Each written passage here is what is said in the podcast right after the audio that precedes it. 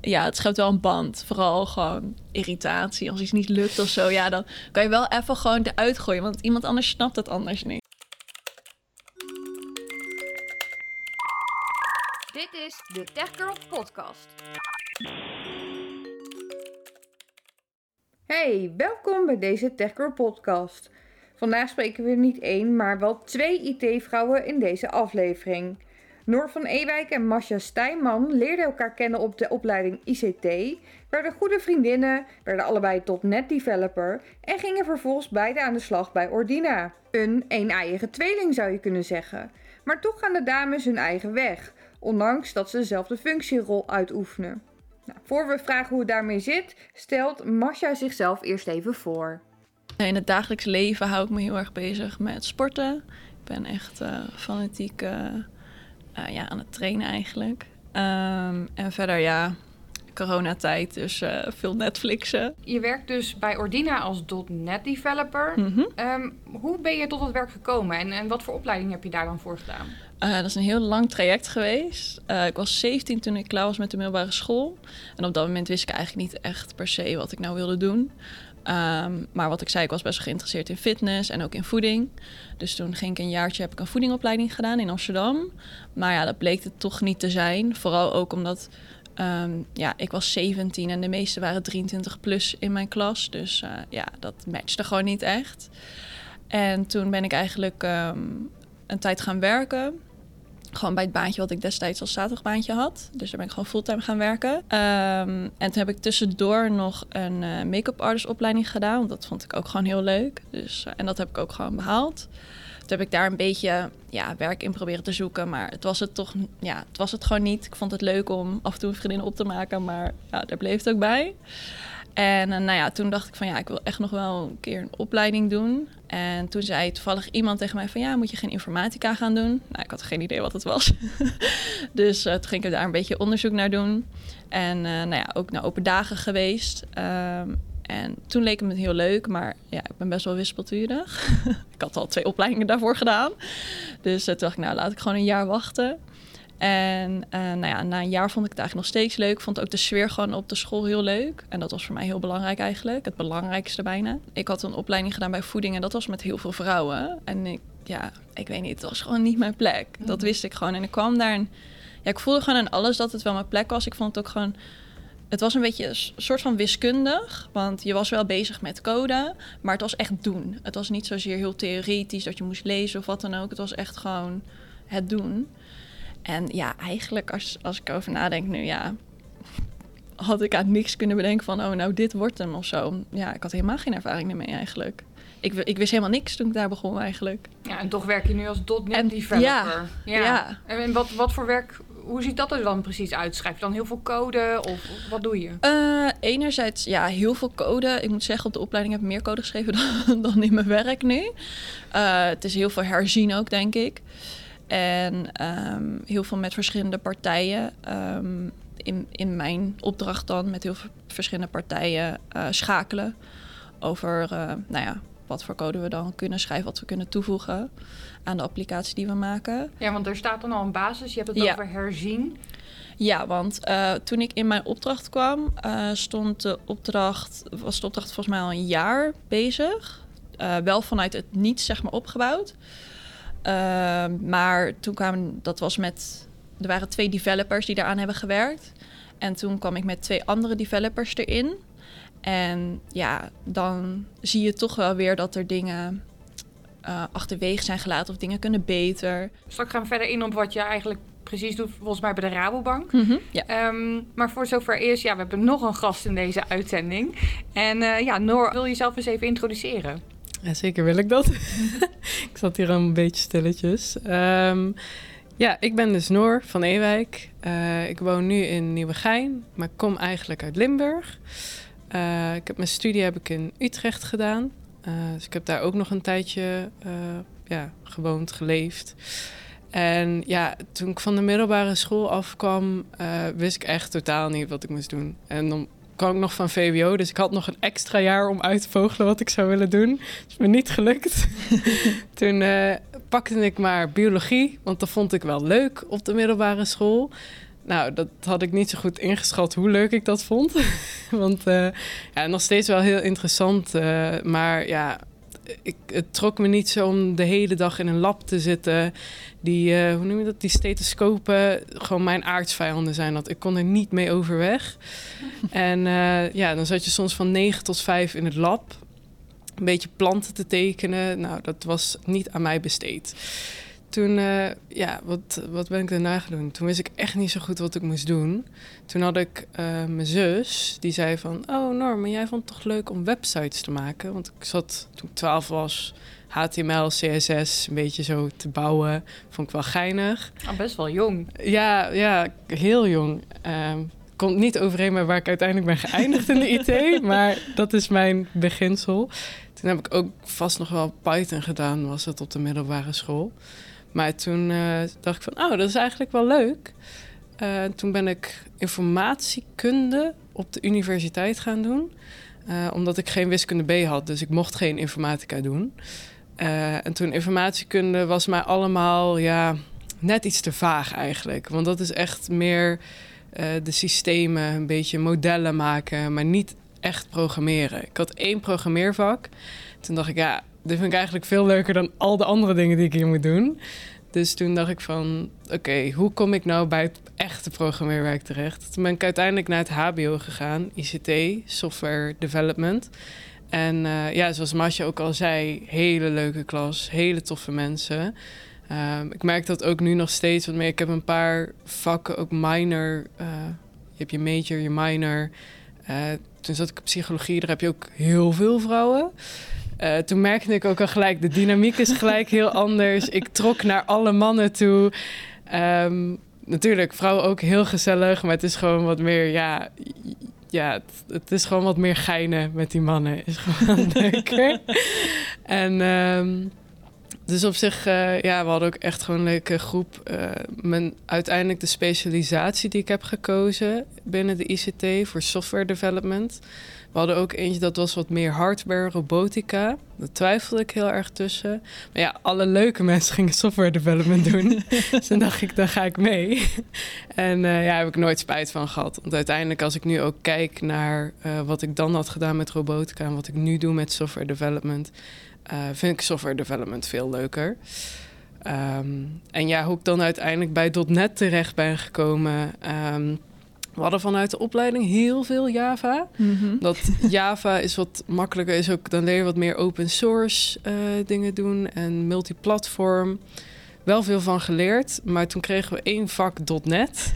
En toen dacht ik, oh, wat is dit fijn. En toen hadden we ook op een gegeven moment bij een werkplaatsing ergens... daar werkte ze ook allemaal in .NET. Uh, toen heb ik al heel veel dingen ook uh, met Agile mogen werken en zo. En in uh, Azure DevOps, dat was toen de tijd nog VSTS volgens mij. Uh, toen dacht ik, oh, dit vind ik zo, zo fijn werken. Je kan gewoon alles aan elkaar koppelen. Je hebt overzicht wat mensen doen. Je kan ook in de branches kijken. Nou, heerlijk, genieten. Maar, maar Noor, ik, ik stop hier even hoor, want ik hoor zoveel termen voorbij komen. Ik, um, ja, ja. Uh, VSTS, uh, Python, ik heb HTML gehoord, CSS, .NET... Ja. ja. Bij uh, welke beginnen we?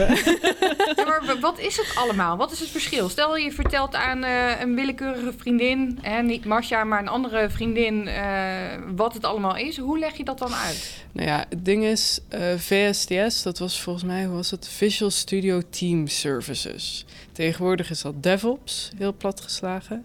En DevOps is eigenlijk, ja, het omvat heel veel. Het heeft je versiebeheer van je code, maar het het wordt voornamelijk heel veel gebruikt uh, voor een sprintbord. En dat je met sprints, dat is dan agile werken, kleine sprints, kleine tijd, twee weken, om het even beeld te vormen. Uh, lever je gewoon iets op aan software, uh, aan iets. Ja, voor de luisteraar, over uh, twee weken leg, legt iemand anders ook helemaal specifiek uit wat het Scrum Masterschap inhoudt en ook hoe sprints werken. Dus ja. luister dan vooral ook eventjes, maar ga vooral door. Ja, goede plug.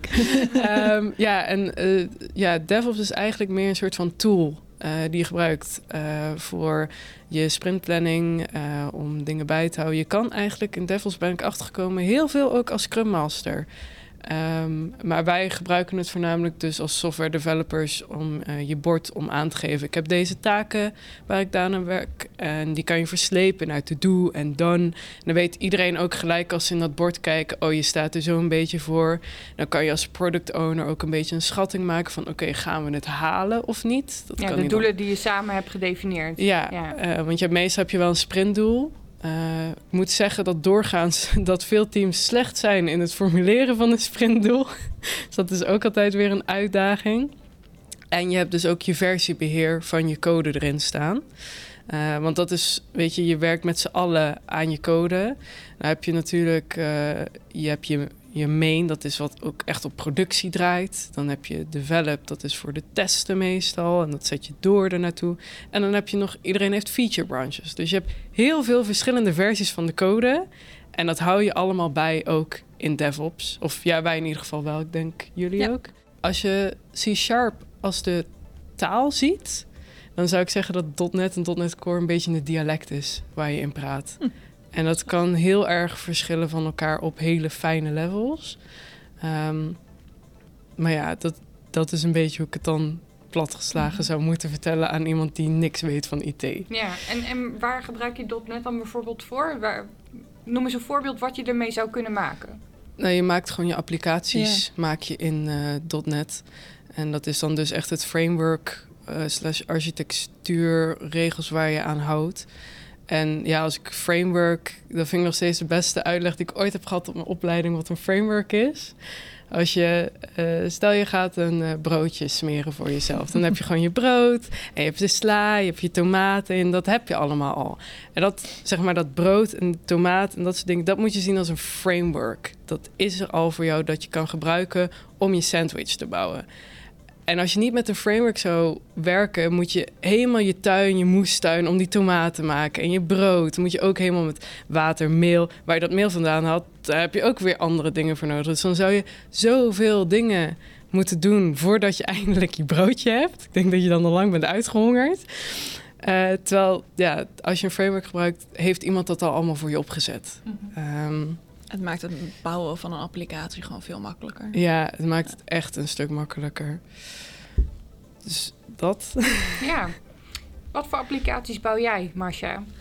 Uh, op dit moment uh, ben ik bij de Rabo bezig met een, ja, een proxy noemen ze dat. Ook wel een domme applicatie genoemd. uh, maar het doet er niet af van wat het doet. Het zorgt ervoor dat um, bij de Rabobank heb je gewoon heel veel data. En dat zit overal. Uh, want je moet ook bedenken natuurlijk, Rabobank gaat natuurlijk heel lang aan mee. Dus die hebben ook heel veel oude systemen, nieuwe systemen. Um, en wat onze applicatie eigenlijk doet, is dat het, um, het wordt aangeroepen door een ander systeem. En die hebben bepaalde extra info nodig. Uh, wat ze niet uit een bepaalde ja, calculator kunnen halen. Moet je niet veel over nadenken. Maar ze, ze hebben gewoon extra informatie nodig. En dat vragen ze eigenlijk bij onze applicatie aan. En wij gaan gewoon zoeken. Nou ja, zoeken is ook een groot woord. Maar wij zorgen ervoor van oké, nou ja, jullie krijgen gewoon die informatie terug. En aan onze kant regelen we waar we dat vandaan halen. En dat kan aan de ene kant via een uh, RESTful services zijn. Uh, maar ook via een database. We hebben ook een database. Um, en dat is niet zozeer dat we dat uh, echt beheren, dat wij echt die data beheren. Een ander systeem pompt eigenlijk weer die data in onze database elke maand of elke dag. Dat zijn verschillende data sources. Um, en dus wij zorgen er gewoon voor dat wij eigenlijk data leveren aan de aanvragers die dat nodig hebben. En kun je dan misschien ook een voorbeeld geven van uh, misschien niet wat voor soort data je ophaalt, maar wel wat de eindgebruiker daar bijvoorbeeld voor profijt van heeft? Uh, ik moet zeggen dat ik dat heel, heel lang eigenlijk niet eens wist. Uh, want er gaan zoveel systemen nog zeg maar, aan te pas voordat dat eigenlijk bij ons komt. Dus voor mij was dat eerst eigenlijk heel abstract. Totdat wij live gingen met ons product. Toen dacht ik, oh, oh, dus uh, wij hebben eigenlijk meer te maken met hypotheken. ik wist dat niet eens. dus wij zorgen eigenlijk voor een bepaalde ja, data die nodig is voor uh, te checken voor hypotheken. En wat dat nou precies inhoudt, ja, om eerlijk te zijn, weet ik dat zelf ook niet. Dat is eigenlijk ook helemaal niet relevant voor ons. Omdat nee, hoeft dat niet wij zitten zo ver van dat gedeelte af eigenlijk. Dat, um, ja, dat, het, ja, dat ik er eigenlijk pas uh, ehm, toen wij live gingen, dat ik daar pas achter kwam eigenlijk. Ja, want, want jij bent technisch verantwoordelijk, maar niet productinhoudelijk verantwoordelijk. Nee. Nee. En uh, wat ook bij ons geldt is dat um, in onze applicatie proberen wij ook geen logica toe te passen. Uh, daarom zei ik ook, het is een soort van domme applicatie. Um, weet je, wij bouncen gewoon uh, de ene data naar de andere gebruiker toe. En, of ja, calculator dan. Um, dus wij proberen ook niet data te vervormen of wat dan ook. Bij ons is het echt inhoud. Daarom ook proxy. Je, je, noemt het een domme applicatie en je zegt ook, ja, ik wist eigenlijk eerst helemaal niet waarvoor ik het deed. Um, is het daar dan niet een beetje saai mee? Want je Nee. weet niet precies waar je het voor doet. Nee, inderdaad. Klinkt alsof het dan heel saai is. Maar ehm, ja, weet je, dit was ook mijn eerste opdracht. En voor mij was eigenlijk alles nieuw. Uh, ik zag wel dingen terug van mijn opleiding. Uh, bepaalde design principles, uh, patterns die er gebruiken. Um, en hoe het gebouwd is, ja, vind ik natuurlijk super interessant. Maar um, wat ik al zei, het doet, het, het doet verder niks. Het past Het niks is aan. een doorgeefluik eigenlijk. Precies, een doorgeefluik kan je het zien. Dus um, ja, daarom zeg je domme applicatie betekent niet dat het niet leuk is. nee, het is juist super tof omdat er gewoon... Um, dat het zo strak tussen die regels zit... Uh, is het juist heel tof om daarbinnen dan toch nog dingen te kunnen doen. Uh -huh. ja. ja. Ja, Noor, jij bent ook een .NET developer. Alleen ja. jouw werk is dan toch weer net even anders. en jij kunt het misschien wel op een andere manier weer uitleggen. En ja. zou je dat dus willen doen? Nou, ik kan het waarschijnlijk in één zin zeggen wat ik doe. nee, er komt wel veel meer bij kijken. Maar uh, heel plat geslagen. Uh, ik, werk bij, ik zit bij VGZ. En zij hebben een uh, chatbot. als je ook naar vgz.nl gaat.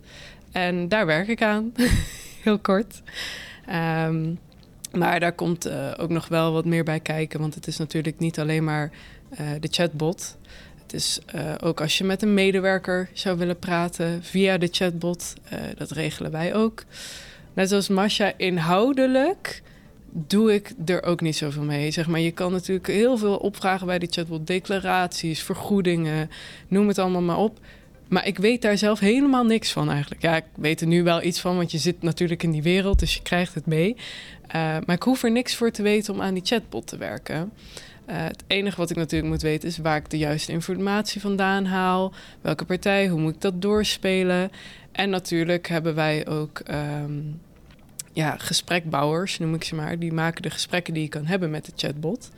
Uh, en dat systeem waar zij in werken om dat te maken, ja, daar werk ik ook aan. Hoe dat uiteindelijk vertaald wordt van dat scherm waar zij in werken naar echt een gesprek in de chatbot. Daar werk ik ook aan. Ja, maar je zegt nu heel veel. Uh, ja, dit doe ik ook, ja, dat doe ik ook, ja, dat doe ik ook. Heel concreet, wat is het wat jij doet? Ik kan natuurlijk mijn product owner heel erg trots maken en zeggen: wij werken aan de digitale assistent en we willen graag 24/7 onze klant te woord staan. en daar draag ik aan bij. maar wat ik daaraan bijdraag in dat mooie verhaal is dat ik gewoon uh, ja, de, de chatbot beheer. Uh, ja, beheer is groot. En ja, we, optimaliseren, we verbeteren. Wij zijn ook, zoals Masha in het begin zei, refactoring. Uh, je hebt gewoon applicaties, vooral in IT. Ja, het is een wereld die snel groeit. Dingen gaan snel, dus je code veroudert gewoon automatisch. Daar doe je niks aan. Um, en wij hebben, uh, ja, we hebben wat dat betreft, ik noem het een luxe, dat wij mogen refactoren aan wat er al bestaat. Want je hebt heel veel bedrijven die zeggen, nee, hebben we geen tijd en geld voor, dus dat gaan we niet doen. Uh, wij doen dat gelukkig wel ook daarnaast. We implementeren nieuwe dingen. Uh, ze laten ook declaraties opvragen. Um, dingen voor medeverzekeren uh, willen ze dan kunnen doen. Ja, wij maken dat mogelijk uh, dat dat kan. Je denkt zelf bij jezelf, je zit in die wereld. Dus voor jezelf denk zoals jij zei, ja, het is een domme applicatie. Je doet niet ja. dingen, omdat je er zo in zit en je kent, het is zo eigen voor je. Maar als je dan, dan over gaat praten en iemand ja, die zegt van ja, maar wat is dat eigenlijk? Of wat is dat eigenlijk? Dan blijf je maar doorgaan en dan ineens denk je zelf ook van ja, zo ik doe eigenlijk best wel veel. dus ja, je, je onderschat het ook een beetje wat je allemaal doet. Ja. Uh, want ja, als je in de code kijkt, ja, wat doe je nou eigenlijk in de code? If statements, for loops, als ik het heel technisch, API's. Uh, afstemmen met heel veel partijen uh, tussen wat je nodig hebt. Ehm, en wat je daar dan allemaal weer mee maakt, de magie, zeg maar. Ja, dat is dan ook weer een heel ander verhaal. Dus je, ja, je raakt er eigenlijk niet echt over uitgepraat. Nee, maar je zorgt in ieder geval voor dat de werking, als iemand een vraag heeft voor die chatbot, dat dat in ieder geval goed geadresseerd wordt via verschillende systemen die je eraan hebt gekoppeld. Ja, ja, en dat die inderdaad dus ook uh, juist met de database. Je hebt natuurlijk heel veel mensen die die chatbot gebruiken. Ze, ze hadden laatst grafieken ja, echt uh, in de duizenden gesprekken. Vooral tijdens de zorgpiek natuurlijk. Als je nieuwe verzekeringen gaat doen, je oude verzekering inkijken, dan uh, loopt het hoog op. Um, maar ja, dan, dan zie je ook, en ik hoor dan ook van de, um, ja, de medewerkers die chatten met de, de, leden, dat ze zeggen van ja, die chatbot is gewoon heel fijn, want die ontzorgt je in heel veel dingen, zeg maar, die declaraties, dat ze dat via die chatbot kunnen doen, is super. Want dan hoeven ze daar niet iemand voor te bellen. Of, oh ja, we hebben trouwens de chatbot, maar we hebben ook de voicebot. Die kan je bellen. Die bestaat er ook nog bij. Um, dus ja, het, je, aan het eind van de dag ben je gewoon heel veel dingen aan het doen. En je hebt soms niet echt door hoeveel je doet. Totdat je dan op een gegeven moment een beetje terugkoppeling krijgt van mensen van oh ja, doe je dat ook nog en dat ook nog. En dan, ja, meestal komen de vragen altijd vanuit de business. Ik weet niet hoe ze dat uh, bepalen. maar die zeggen dan ineens van, ja, het zou heel mooi zijn als je bijvoorbeeld uh, ook voor medeverzekerde dingen zou kunnen regelen in je familie. En uh, ja, dan moeten wij dat ook gaan regelen. En dan uiteindelijk kunnen we het doorzetten naar die flowbouwers van, uh, of gesprekbouwers, correctie. Van we hebben de techniek gemaakt. Nu kunnen jullie losgaan en daar ook echt iets voor maken dat je het in de chatbot terugziet. Ja, dat het een logisch gesprek wordt. Ja, dat. Um, ja, het klinkt best wel ingewikkeld, denk ik, voor de leek. Ja. Uh, jullie snappen elkaar uh, door en door op dit vakgebied. Dus ook vriendinnen. Ja. Schept het dan ook een band ten opzichte van andere vriendinnen die jullie hebben?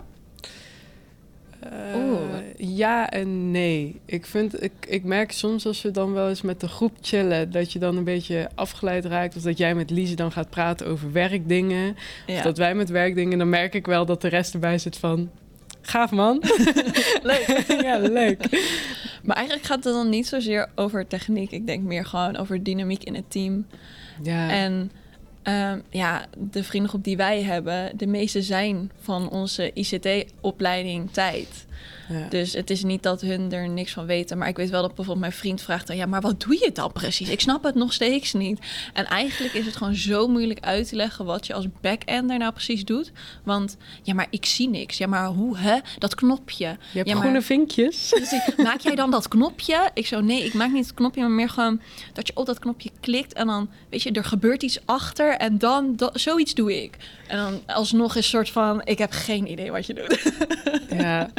Dus het is heel lastig. En ik denk ook gewoon met andere vriendinnen die dat, ja, die daar niet echt iets van weten. Ja, hebben het eigenlijk ook gewoon niet over. Ja, ja, en het is ook lastig, want ik denk dan doorgaans dat ik wel makkelijk kan uitleggen aan mensen wat ik doe. Want ik heb hele vatbare termen. En je kan bij mij ook echt die chatbot zien.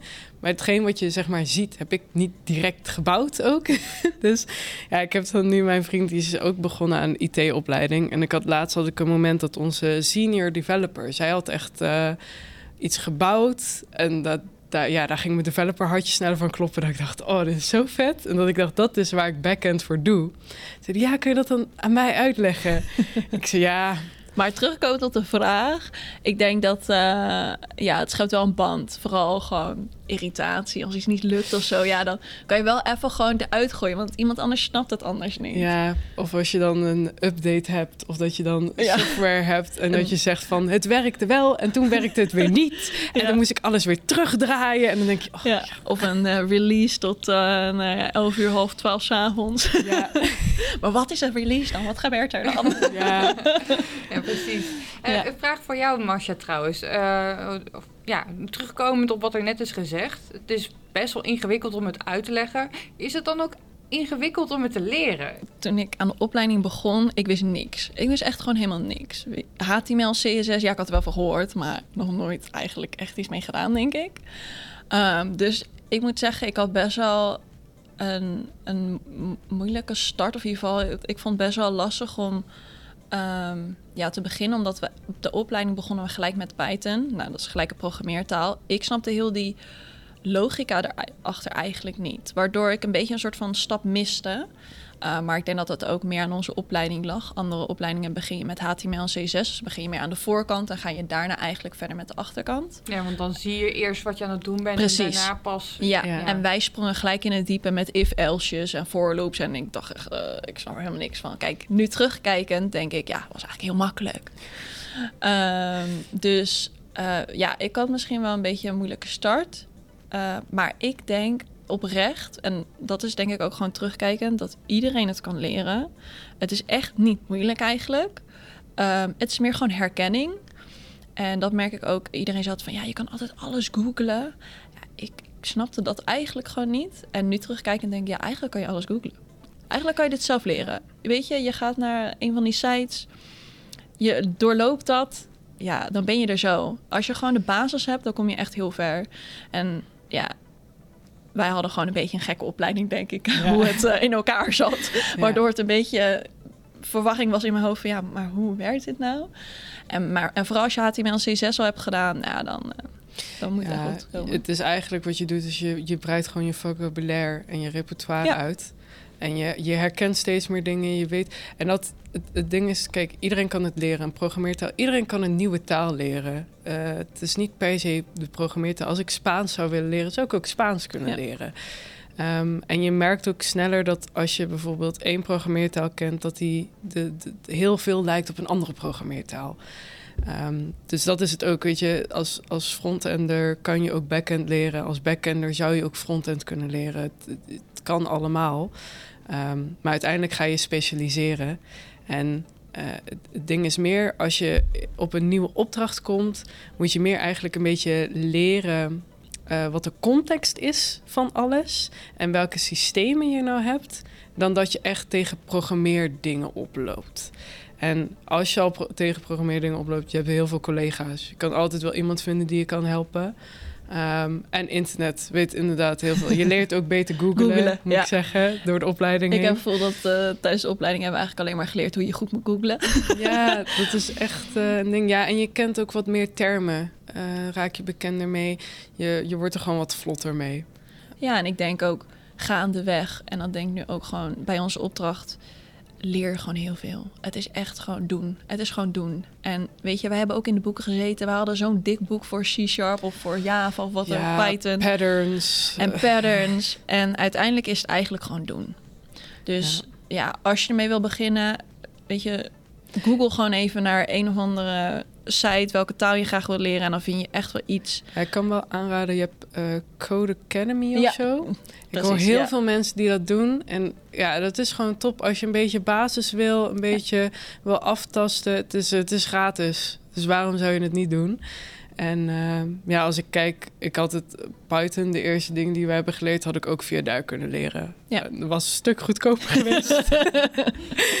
dus op zich, qua dat, als je gewoon een basis wil. Maar ik hoor dat ook heel veel. Dat, dat is ook het leuke aan developers op de werkvloer. Je hebt sommige mensen die hebben heel veel opleidingen gedaan, die hebben masters gedaan. Je hebt mensen die komen gewoon, die hebben niet eens MBO gedaan. Die komen gewoon, ja, ik heb een beetje cursusjes gedaan en nu ben ik hier. Ja. En op zich merk je echt geen verschil in niveau uh, wat daarin zit. Ja, natuurlijk weet je, kijk, uh, iedereen komt uiteindelijk op een andere leeftijd ergens terecht. Dat is een beetje wat je merkt.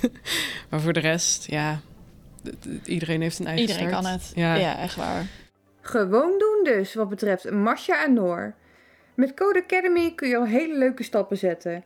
En trek vooral ook aan de bel bij Ordina om de mogelijkheden voor jou te bespreken. Check ordina.nl slash werkenbij. Komende donderdag weer een nieuwe aflevering in deze podcastreeks. Dan spreek ik met Maya Silvertand. Ze is een oude bekende die we vijf jaar geleden ook al spraken. En toen droomde ze ervan om Veli op de markt te brengen. Nou, ik ben benieuwd wat daarvan is terechtgekomen. Luister jij dan ook weer?